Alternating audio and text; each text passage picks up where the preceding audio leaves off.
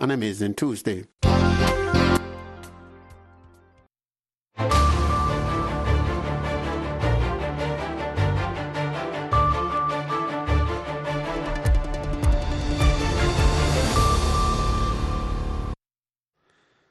subax wanaagsan dhegeystayaal kuna soo dhowaada idaacadda subaxnimo ee laanta afka soomaaliga ee v o a oo idinkaga imanaysa magaalada washington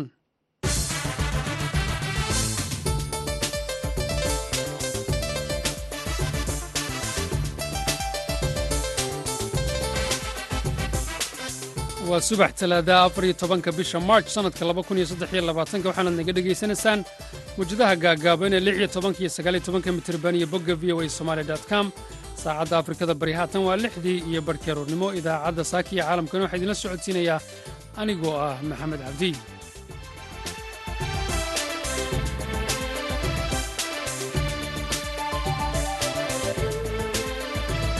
qodobadaan idinku hayno idaacadda saaka iyo caalamka. Waxaa ka mid ah xeer ilaalinta maraykanka oo dacwado hor leh ku soo ogtay toban qof oo kale oo ka tirsan jaaliyadda soomaalida minnesota.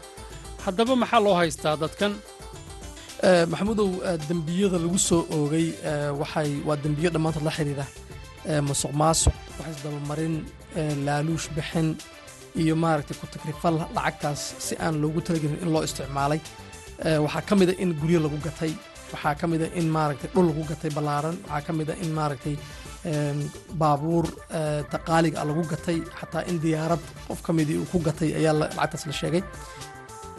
Waxaad sidoo kale dhegaysan doontaan muhaajiriin tiro badan oo ay soomaali ku jirto oo ka tallaabay xadka maraykanka una gudbay dhinaca kanada dhakhaatiirta britain oo shaqo joojin sameeyey iyo wararkii ugu dambeeyey ee dagaalka yukrain hase yeeshee intaasoo dhan waxaa ka soo reynaya warkii caalamka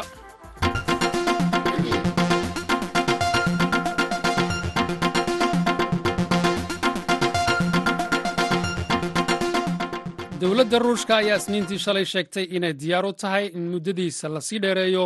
Heshiiskii dhoofinta hadhuudhka ee kaalinta ka geystay in sicirka cuntada adduunku uu hoos u dhaco. Hase yeeshee ruushka ayaa sheegay in muddada uu dheeraynayo heshiiskani ay tahay lixdan maalmood oo keliya. Wafdi ruusha oo wadahadal la galay saraakiil ka socota qaramada midoobay ayaa wadahadalladii isniintii ku sheegay in kulanku ahaa mid dhammaystiran oo runta laysu sheegay. Hase yeeshee ruushka uu doonayo horumar muuqda ka hor intaan heshiiska la kala seexan sida saraakiisha ruushka ay sheegeen. Heshiiskan oo lagu magacaabo hindisaha hadhuurhka badda madow ayaa dalka yukrain u oggolaanaya in si badqab leh uu cuntada iyo bacrimayaasha beeraha uga dhoofiyo dekadihiisa yukrain waa dalka ugu weyn dunida ee dhinaca waxsoo saarka hadhuurhka noocyadiisa kala duwan dowladda iiraan ayaa isniintii shalay ku dhawaaqday in hogaamiyaha sare ee dalkaasi uu cafis u fidiyey in ka badan labiyo labaatan kun oo qof oo loo xidhay mudaharaadyadii dowladda lagaga soo horjeeday dalkaasi ka dhacay. Hase yeeshee ma jiro ama ma jirto cid si rasmiya u xaqiijin karta warka sii deynta ee ka soo baxay xukuumadda dalkaasi. Bayaan ka soo baxay madaxa garsoorka ee dalka iiraan ayaa markii ugu horreysay si weyn loogaga hadlay baaxadda ay la-eg tahay howlgallada ay dowladdu howlgallada dowladda ka dhanka ee mudaharadayaashii ka soo horjeeday xukuumaddu ay sameeyeen kuwaasoo soo bilaabmay kadib geeridii mahza amini oo ahayd gabadh labiyo labaatan jira. Ilaa iyo haatan waxaa dalkaasi ka jira cadhada ka dhalatay geerida gabadhaas yar iyo weliba habka ay laamaha ammaanka dalkaasi ula dhaqmeen mudaharadayaashii dibadbaxa sameynayay arrintaasi ayaa taabatay guud ahaan xasiloonida dalka iyo dhaqaalaha intaba. Warkii caalamkuna waa naga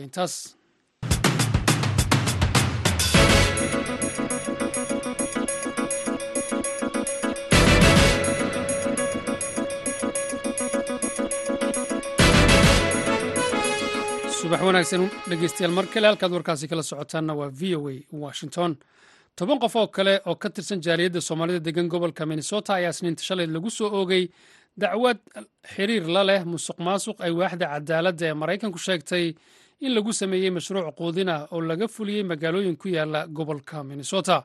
Bishii sebteembar ee sannadkii hore ayaa dacwad tan la mida lagu soo oogay ilaa iyo konton qof oo asalaan ka soo jeeda soomaaliya hase yeeshee haysta dhalashada dowladda maraykanka tirada guud ee dadka la tuhunsan yahay ee la soo dacweeyey ayaa hadda gaadhaysa lixdan qof. Faahfaahinta arrintan ayaa wariyaha v o eda gobolka minnesota maxamuud mascade waxa uu ka waraystay garyaqaan amiin haaruun oo ka howlgala gobolka minnesota. Maxamuud waad mahadsan tahay xeer ilaaliyaha dowladda federaalk ee maraykanka u qaabilsan gobolka minnesota andrew luger ayaasaad hore u sheegtay wuxuu maanta isugu yeeray saxaafadda gobolka minnesota isagoo ku wargelinaya in uu shir saxaafadeed qabanayo uu kaga warbixinayo dad cusub oo uu dacwo ku soo oogayo oo lagu eedeynayo in ay ka qeyb qaateen musuq maasuqaas lagu sameeyey lacagtaas loogu talagalay carruurta danyarta ee gobolka minnesota xilligii caabuqa covid sagaal uu jiray. Dadkaas waa uu soo bandhigay toban qof ay ka koobnaayeen. Dadkaasi waxay kala deganayeen magaalooyin kala duwan oo gobolka minnesota dhan ka kooban marka dadkaasi wuxuu sheegay in maxkamad la horkeeni doono maalmaha nagu soo fooda nagu soo leh. Marka dadkan cusub ee tobanka ah ee la eedeeyey waxyaabaha lagu eedeeyey ama falalka dembiyada ah ee la sheegay inay geysteen maxaa ka mid? Maxamudow dembiyada lagu soo oogay waxay waa dembiyo dhammaantood la xiriira masuq maasuq waxisdabamarin laaluush bixin iyo maaragtay ku takrifal lacagtaas si aan loogu talagelin in loo isticmaalay. Waxaa ka mid a in guryo lagu gatay waxaa ka mid a in maaragtay dhul lagu gatay ballaaran waxaa ka mid a in maaragtay baabuur taqaaliga lagu gatay xataa in diyaarad qof ka uu ku gatay ayaa lacagtaas la sheegay. Marka waxyaalo fara badan oo kala duwan ayaa lagu gatay waxaana si kala duwan oo loo isticmaalay. Marka lacagtaas inta badan waxaad moodaa in lacag la isticmaalay ay tahay. Marka dadkan la soo eedeeyey dhammaantood ma waxa ay joogaan gobolka minnesota qaar miyaa dalka ka maqan sidii kuwii horeba qaarkood ay wadanka uga maqnaayeen. Xeerlaalyuhu wuxuu sheegay dadkani dhammaantood inay joogaan gobolka minnesota cidnana aysan maqnayn. Dhammaantoodna maalmaha fooda nagu soo haya ay imaan doonaan maxkamadda. Markii ay maxkamadda soo istaaganayaan wax ka ogaan doonaa xaalkooda siduu noqon doono iyo in maaragtay ay dabcan xirnaan doonaan iyo in la sii dayn doono iyo waxaas waan ogaan doonaa. Laakiin dhammaantood waxay joogaan dalka gudihiisa iyo gobolka minnesota gudihiisa. Xeerlaalyuhuna wuxuu filayaa inay imaan doonaan maxkamadda maalmaha socda. Dadkan qaar la xiray miyaa ku jira? Weli wax la xiray lama sheegin. Laakiin dacwada in lagu wargeliyey ayaa muuqata siduu xeerlalyuhu sheegay. Taasna waxaa xigi doona markii ay maxkamadda yimaadaan ee loo yeero in waxa ay codsato xeerlaalintu iyo sida ugu qanco qaadigu haddii xeerlaalintu ay codsato dadka qaarkood in la xiro oo cadeymo ku filan oo ku qanco qaadiguna ay keenaan waa laga yaabaa in la xiro laakiin markii qaadiga la hor keeno qaadigu dhegeysto dacwada lagu soo oogay iyo qof waliba taariikhdiisa iyo qofka uu yahay iyo maarata xiriirka uu leleeyahay gobolka minnesota iyagu aan ka gaari doonaa in ay yihiin inay xaq tahay inay banaanka ku maraan in damiin laga dhigayo iyo in la haynayo gebi ahaantoodba inta dacwada soconayso. Waa gartay. Waxaa hore loo sheegay lacagaha la lunsaday inay gaarayaan ilaa laba boqol iyo konton milyan oo dolarka maraykanka oo loogu talagalay in carruurta danyarta ah lagu qoodiyo lacagta faraha badan dowladdu ilaa hadda ma sheegtay wax ka mida inay u soo noqdeen iyo inaanay u soo noqon weli. Xeerlaalyuhu wuxuu sheegay in ilaa iyo hadda lacag gaaraysa lixdan iyo lix milyan iyo lix boqol oo kun lacag dhan inay soo noqotay oo runtii qaarna bangiyada laga soo qaaday iyadoo lacag cad ah qaarna hanti la soo qabtay sida guryo iyo dhul iyo baabuur iyo wixii la mid a waxaana ay maalin walba maalin ka dambeysa waxaa laga yaaba ayuu leeyahay inay sii badato lacagta aan qabanayno waayo baaritaanka iyo dabagalku weli wuu socdaa. Waa gartay tirada guud ilaa hadda dadka la soo xiray. Haddii aad noo sheegto iyo inta qiratay dembigan ama dembiyada lagu soo ogay haddii ay jiraan. Inta hadda aan markii lagu diro tobankii maanta lagu soo ogay dacwada dadka waxay isku noqonayaan guud ahaan lixdan qof konton hore iyo tobankan maanta ah. Waxaa dacwada ama heshiis la gaaray dowladda oo qirasho sameeyey ilaa hadda lix qof ayaan haynaa. Garta. Ma halkan bay ku eg tahay sheekada ku saabsanayd dadka lacagaha la lunsaday? Mise way sii socon doontaa oo waxaa laga yaabaa dad kale arrimahan in loo soo xiro? Arrintaasi xeerlaalintu ma ka hadasha xeerlaalyuhu si fiican buu uga hadlay arrintaasi intii ku guda jiray war-saxaafadeedkiisii wuxuuna sheegay in maaragtay ay baaritaanku socdo wax badanna uusan ka dhihi karin arrimaha maadaama baaritaanku weli socdo. Laakiin baaritaankuna sii socon doono dad horlana lagu soo oogi doono dacwado hanti horlana la soo qaban doono. Marka hawshu way socotaa ayuu yidhi. Goormo ayaa laga yaabaa is marka maxkamadeynta dadku inay bilaabato kuwii sannadkii hore la xiray oo kale haddii aad tusaale u soo qaadato maxkamadinta wayba bilaabatay qof walba maalinka u horeysa in maxkamadda la horgeeyo oo loo faahfaahay ama loo soo bandhigo dacwada loo haysto waxay tahay iyo shuruudaha maxkamadda ay ku sii daynayso qofkaasi maxkamadiisa way bilaabatay maxkamaddu way socotaa dadka qaarkoodna waxayba gaareen go'aan iyo heshiis ayay la gaareen dowladda qaarna waxaa laga yaaba inuu wax meel dhaxa u marayo qaarkoodna kolley maxkamadoonteed way socotaa laakiin dhammaan dadkan hadda lixdanka qof waxaa lagu tirin karaa dad maxkamadoodii socoto muddo intee lag baa laga yaabaa inay jiitanto? Runtii waxay ku xiran tahay kiis waliba iyo baaritaankiisu intuu qaatay ayay ku xiran tahay waayo xeerlaalintu waxay la shaqaynaysaa dambi baarayaashay la shaqaynaysaa mar walba cadaymaha la soo la soo heli karo iyo shaqada siday u socoto iyo qaadiga laftiisa maaragtay jadwalkiisa iyo maxkamadda maaragtay fursadaha ay haysato ayay ku xidhnaan doontaa. Laakiin waxaan lala yaab ahayn inay sanad iska socoto iyo weliba ka badan qaarkood. Kaasi wuxuu ahaa garyaqaan amiin haaruun oo ka howlgala gobolka minnesota waxa uu warramayay wariyaha v o eda gobolkaasi maxamuud masacade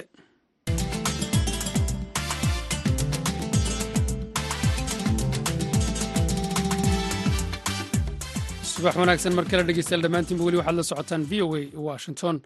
Waxaa sii kordhaya tirada dadka magangelya doonka ah ee gaadhaya dalka kanada iyagoo sii maraya xuduudda maraykanka. Dadkaas oo ay ku jiraan dhallinyaro soomaaliya ayaa lagu soo waramayaa inay la kulmayaan dhibaatooyin kala duwan xilligan lagu guda jiro qaboobaha. Wariyaha v o eda ee kanada xuseen nuur xaaji ayaa khadka telefoonka kula xidhiiray aweys xaaji oo suxufi degan magaalada toronto ee dalkaasi. Ugu horreynna waxaa weydiiyey waxa keenay korarka dadka qaxootiga ah ee ka tallaabaya xuduudda maraykanka. Xuseen aada u mahadsan tahay qaxootiga badan ee soo kordhaya ee ka soo tallaabaya dalka maraykanka ee soo gelaya canada waxaa keeni karo horta canada sharci ahaan iyo qaabka sharci bixinta aaday uga fududahay maraykanka hor taas waa number one. Arinta kale oo aadka u korinaysa waxay tahay waxaa laga yaabaa in bishan ay is arkaan madaxweynaha maraykanka biden iyo ra'isul wasaaraha dalka canada justin trudeau oo ka wada hadli doona arrimaha qaxootiga iyo xaaladan soo kordhay. Marka dadka waxay ka baqayaan maraykanka jooga in heshiis cusub labada dal ay galaan oo marka la adkeeyo qaabka dadka maraykanka ka yimaada ee dalkan soo gala ay sharci ku helayaan marka cabsi noocaas way jirtaa. Waxaa kaloo jirta maraykanka oo sharci cusub soo rogay oo ah dadka soo maraya latin america ee maraykanka imanaya in marka hore ay iska soo diiwaangeliyaan dalka mexico iyo dalalka ay soo mareen oo idil. Taasoo laftirkeeda caqabad hor leh ku noqotay qaxootiga dalka maraykanka iska dhiibaya marka dadka waxay u arkaan canada inuu yahay wadan aada u fudud oo si sahlan sharciga ku bixiya ama ugu yaraan lagu noolaan karo xitaa haddii qofka haddii sharci loo diido uu ku noolaan karo in muddo ah oo uu joogi karo oo aan dalka dib looga celinaynin ila muddahaas ka qaadato ugu dambeyn qofka uu sharci qaadanaya. Marka dadka taasay ay door bidayaan in ay ka soo gudbaan dalka maraykanka oo ay yimaadaan wadanka canada. Waa tahay aws halis intee la-eg ayay wajahaan dadka sida sharci darada ah ku soo galaya canada xilligan qaboobaha halis aada u badan ayay leedahay in laga soo gudbo xuduudda maraykanka ee loo soo gudbo canada xilligan oo ah xilli aada qabow ah oo qabow lagu jiro oo temperatureka yani zero ka hoos yahay ama marmarka qaar laga yaabo. Xuduudaha qaar ee sidii cubeg oo kale marka laga soo gudbayo iyo minitoba in minus twenty minus fifteen ay tahay. Marka halista dadka waxay halis ugu jiraan in qabow ay u dhintaan inta ay xuduudda ku soo jiraan dadka qaar inay dhintaan laga yaaba dadka qaar inay xaalad aada u ay soo wajahdo. Dad qaar oo waxaa jiray sanadihii hore labada kun iyo tobankii ilaa lix iyo tobankii dad ka soo gudbay xuduuddaas aadka u qabow oo qaarkood farihii ay ka go-een marka halistu aad aaday u badan tahay. Inkastoo canada markuu qofka soo galo uu r c m b ga federal policeska wadankan ay xuduudaha inta badan joogaan dadka soo badbaadiyaan. Tusaale ahaan waxaa ugu dambeeyay kiis usbuuci hore inuu ahaan jeclahay hooyo iyo wiilkeeda iyo aabbo laga soo badbaadiyey qawowga ayagoo weliba aabbaha uu miir doorsoomay oo halis ugu jiray inuu dhinto. Marka booliska canada markasta waxay diyaar u yihiin dadkaas inay soo badbaadiyaan haddiiba ay la kulmaan. Laakiin halistu way iska badan tahay xuseen. Waa tahay. Ugu dambeyntii saddexdii sano ee la soo dhaafay si la mid a dunida inteeda kale kanada waxaa ku yimid dhaqaalo xumi. Marka ma kula tahay in kanada ay xamili karto dhaqaale ahaan dadkan faraha badan ee sida sharci daradaha ku soo gelaya dalkeeda. Sida aan la soconno xuseenow canada oo dhaqaalo xumo aada u daran ayay wajahday saddexdii sano la soo dhaafay tan iyo markii uu dilaacay barnaamijkan covid nneteen-ka viruska ah. Marka haddana canada waxaa lagu sheegaa inay ka mid tahay waddamada keedka ugu badan ee dhaqaale haysta waddamada weliba waxay ka mid tahay aadka u maareeyay dhaqaale ahaan in dadka bulshada aysan dareemin bulshada caadiga aysan dareemin in xaaladaas lagu jiro oo dadkii lacag loo qoray oo dadkii shaqooyinkii laga fasaxay oo yacni laga soo gudbiyey. Haddana marka aad fiiriso qaxootigan markay soo galaan oo kale waxay u baahan yihiin garab qabasho aada u badan waxyaabaha aadka ee dowladda canada uga walwalsan tahay ayay ka mid tahay oo ah in dadkii loo qoro dad social ah oo social service ka shaqeeya oo caawiya in looyaradii legalka laga caawiyo laftirkeeda dhaqaale u baahan tahay. Marka waxyaabaha ay aadka ay nimanka midigta fog oo kale ay aada uga hadlayaan ayay ka mid tahay in arrintan aada loo xamili karin oo ay adag tahay. Haddana dowladdan liberaalka ah waxay aada ay ugu dadaaleysaa in dadkaas ay caawiso inta ay caawin karto oo yacni qofka haddee dhab ay ka tahay qaxootinimada in la caawiyo markasta kanada diyaar u tahay kaasi wuxuu ahaa aweys xaaji oo suxufi degan magaalada toronto ee dalka canada waxa uu khadka telefoonka ugu warrameeyey wariyaha v o eda canada xuseen nuur xaaji.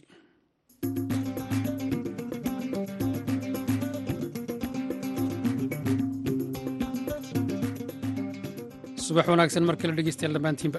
Dagaal xoog badan ayaa shalay ku dhex maray magaalada bakhmuud ee bariga ukrain ciidamada ruushka iyo kuwa ukrain labada dhinac ayaa sheeganaya mid walba inuu guula ka gaadhay dagaalka oo sii cuslaanayay maalmihii la soo dhaafay. Haddaba wariyaha v o eda ee london ridwaan xaaji cabdiweli ayaa la xidhiiray maxamuud carab oo suxufi madax bannaan oo ku sugan dalka jarmalka.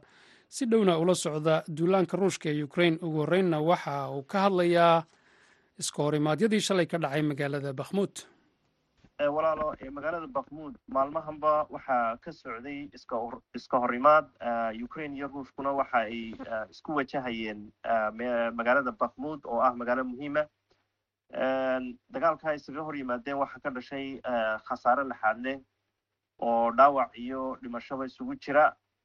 Mar dhoweyd ama goor sii horreysay oo madaxweynaha dalka ukraine valadimir zelenski uu shir jaraayid uu khadka telefoonka ku qabtay ama maqal iyo muuqaal uu ku soo saaray waxa uu sheegay ilaa in ka badan ilaa kun iyo boqol askari inay oo ruusha inay ku dileen. Dhowrkii maalmood ee la soo dhaafay dagaalkii ka fool fool ka foolka ahaa ee ay isku haleeleen magaalada baaqmuud ciidamada ruushka. Dhanka kale waxaad moodaa in wasaaradda difaaca ee ruushku ay soo saartay war sheegaya in ciidamadoodu ay howlgal military oo dheeraada ay ka wadeen ama ay ka fuliyeen gobolka bari ee gobollada warshadaha ah dhaqaalahana muhiimka ah ee doneski iyo luhaniski oo ka kooban labada gobol ee la isku yidhaha ama lagu magacaabo dombos waxay sidoo kale wasaaraddu sheegtay walaal in ciidamada ruuska ay dileen in ka badan laba boqol iyo labaatan askari oo magaranaysa afantary u badan ama ciidamada dhulka u badan oo doonaya inay iska caabiyaan ama ay la dagaalamaan ciidamada ruushka waxay sheegeen in uu dagaalku sii socon doono oo ay doonayaan inay gacanta ku dhigaan ama ay ka sifeeyaan kooxa ay ku tilmaameen inay ka soo horjeedaan muxuu ahaye ama ay ku xadgudbayaan dhulka ruushka. Waayahay waa mahadsan tahay maxamuud. Dadka ka faallooda duulaanka ruushka ee ukraine waxa ay qabaan in magaalada bakhmuud ay tahay meel xilligan muhiim u ah labada dhinacba. Ruushku waxa uu leeyahay afar iyo labaatankii saacee la soo dhaafay waxaanu ku dilay laba boqol iyo labaatan askarta ukraine ah. Dhinaca marka la eego ukrainena waxa ay sheeganaysaa in maalmihii la soo dhaafay in ka badan kun askarta ruushka ay ku dileen. Marka bal haddii aad eegto magaaladan istraatiijiga ah ahmiyad intee la eg ayay u leedahay labada dhinacba? Walaal magaalada bakmuud waa magaalo muhiima dad bad fara badan baa ku noolaa.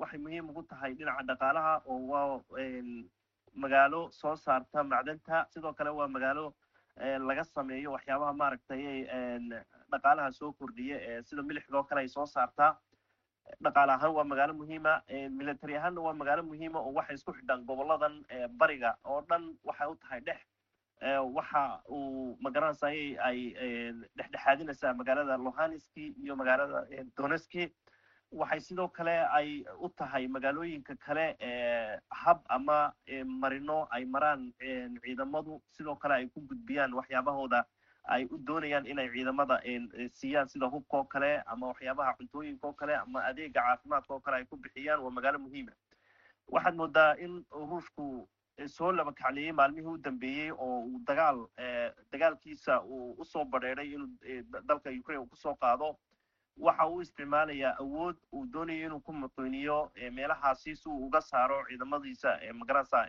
ciidamada ukraine uga saaro. Wuxuu doonayaa inuu xabad iyo xeeladba uu ku qabsado magaaladan muhiimka ah gaar ahaan waxa uu doonayaa in uu maamulo magaaladan macdinta caanka ku ah ee bakhmuud dhanka kale ukraine waxay gacanta ku haysaa aagga galbeed waxayna doonaysaa inay xijisato ay faraha ku sii hayso magaaladan bakhmuud oo qaybo badan oo ka mid a iyadu waqtiyadii u dambeeyey ay gacanta ku haysay. Kooxaha haddaba ruushku waxa uu abaabulay ama uu sameeyey kooxo u adeegaya oo ka soo jeeda ama ka dhashay deegaankaasi oo doonaya in uu u adeegsado ciidamada ukraine si ay uga saaraan magaaladaasi ciidankaasi. Magaalada bakhmuud waxa kaloo ay kala qaybiyo webi kaas oo labada dhinacba ay u dhexeeya waqti xaadirkan oo ay isku hor fadhiyaan halkaasuu dagaal adag ku maraya labada dhinacba waxa ay kala sheeganayaan khasaare taas waxay ku caddayn u tahay in meesha lagu dagaalamayo oo ay doonayaan qolo kastaba inay iska caabiso qoladan kale oo iska riixdo si ay gacanta ugu dhigto magaaladan kaasi wuxuu ahaa maxamuud carab waa suxufi madax bannaan oo ku sugan dalka jarmalka. Waxa uu khadka telefoonka ugu warramayay wariyaha v o eda ee qaaradda yurub ridwan xaaji cabdiweli oo ku sugan magaalada london. Weli waxaad la socotaan v o a washington tobannaan kun oo dhakhaatiir ayaa isniintii shalay dalka britain ka bilaabay shaqa joojinku meel gaada oo saddex maalmood soconaysa.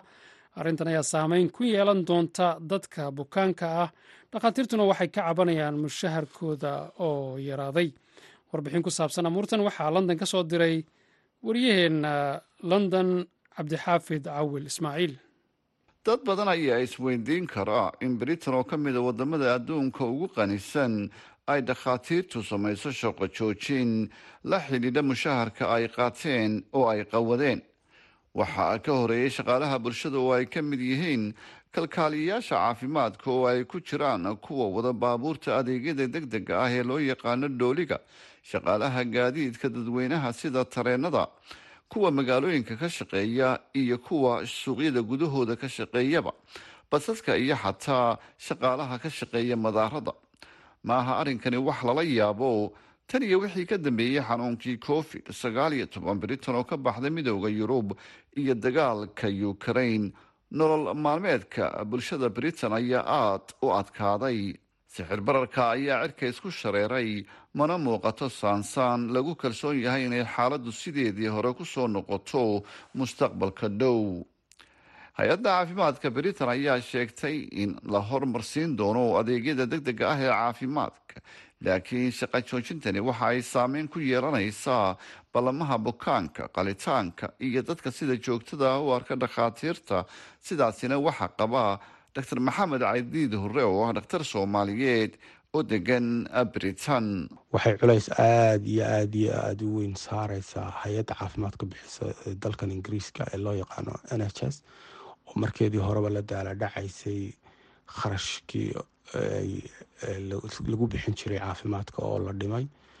Iyo haddii alla ku horeeyey shaqaalo fara badan oo caafimaad oo dalkan ka tegay siba dhakhaatiir badan iyo neeras badan oo qaarna ay shaqadaba yani mihnada caafimaadkaba ka baxeen waxyaabo kale iska qabteen. Qaarna ay waddamada australia iyo new zealand ay aadeen. Marka taas waxay hakin waxay maaragtay meesha ka saareysaa adeeg badan oo caafimaad ay heli jireen dadka waaweyn. Siiba la daala dhacaya ama qaba xanuunada matalan wadna xanuunka dhiikarka macaanka kansarka. Dadkaasoo xilligan oo ay dureygii jilaalku uu qaaradan yurub uu jiro oo dadkaasoo kale dee dilaya oo noloshooda khatar ku haya iyo dee coronaviruskii isaguna jira waxyaabahaasoo dhan oo isbiirsaday marka ay jiraan haddii aanay adeegii caafimaad ay u baahnaayeen aanay helin dadka waaweyni siiba iyo dadka xanuunsanaya.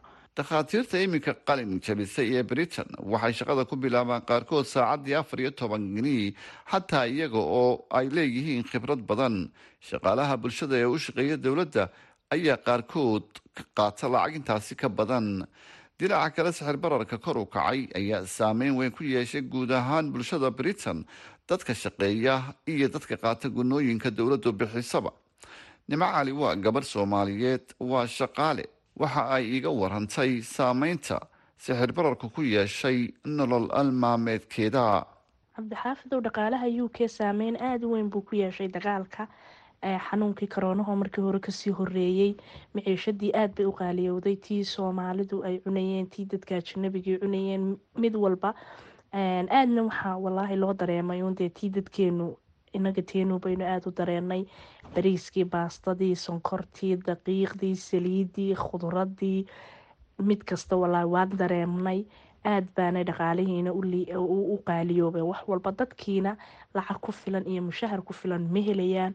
Dadkii wax dirayay way saameysay dadka shaqaalaha aada u saameysay oo dee ina waxay ka dhiganayaan waxay waxay dee ku raacayeen baabuurta ama dee shiidaal ay ku shubanayaan ama transportkoodii public transportkoodii ay ku raacayeen ama treen noqoto ama bas noqoto. Intiiba way qaaliyowday. Iyo maciishadiiyo aada dee irkays kugu shareertay marka dhaqaaluhu aada iyo aad buu waqtigan iminka uu awaadeg yahay iyadoo xanuunkaasina markii hore keenay ayaa haddana dee dagaaladani keeneen wax walbaamana way qaaliyoobeen. Sanadkii labada kun iyo sagaal iyo tobankii dhakhaatiirta britain ayaa aqbashay in mushaharka loo kordhiyo boqolkiiba laba laakiin iminka waxa ay ku doodayaan inaan mushaharkaasi ku filayn. Marka loo eego halka sixir bararku marayo waxaana isbarkaday mushaharkii oo aan shaqaalaha loo kordhin iyo sixirkii oo kor u kacay. Cabdixaafid cawin ismaaciil v o a london. Aad iyo aad buu mahadsan yahay cabdixaafid wariyaha v o eda ee qaaradda yurub oo magaalada london warbixintaa inooga soo diray. Haatanna heestaasi ubixi jacaylka fanaaniinta waa olol iyo idinkaan idin daynayaa gabadhana. Shankaroon axmed sagal. Aad baad umahadsanta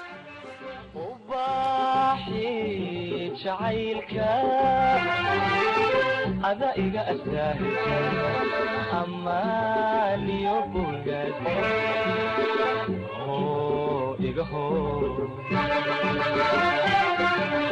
axadiyo xalaashee waalidkeeda asluubtiyo ashaxiyo hidaaha baray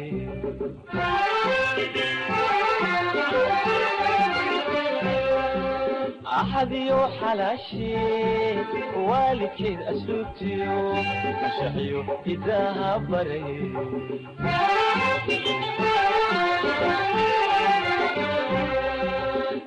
orinimadu noqotaa alayliyo alayle ayaan ayaan iyo nasiib leey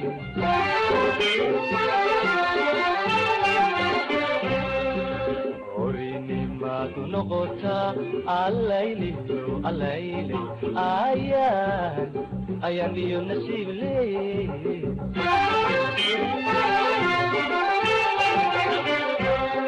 indha iyo indheer jeceeli isku aragti weeyaan wakay wakay kula indha iyo indheer jeceeli isku aragti weeyaan wakay wakay kula tahay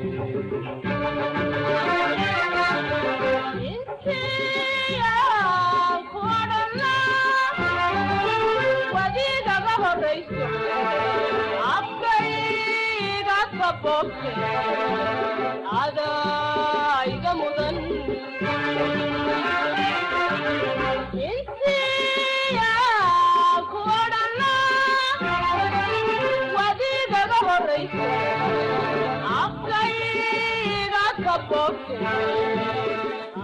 heestaasi u bixi jacaylka fanaaniinta axmed ishaar olol allah u naxariisto.